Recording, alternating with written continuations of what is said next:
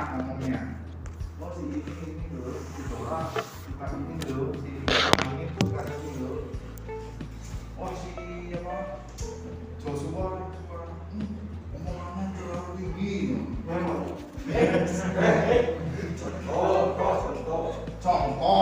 Gitu ya. Kalau lagi kan seperti itu. Ya lebih enak ngomongin orang lain daripada ngomongin diri iya. sendiri. Susahnya. Nah sekarang saya ingin uh, mengambil contoh saja Mas Goni silakan Mas Goni ceritakan tentang diri sendiri dari situ aja Bang ya.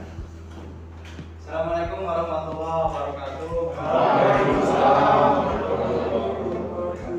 Perkenalkan, nama saya Abdul Goni.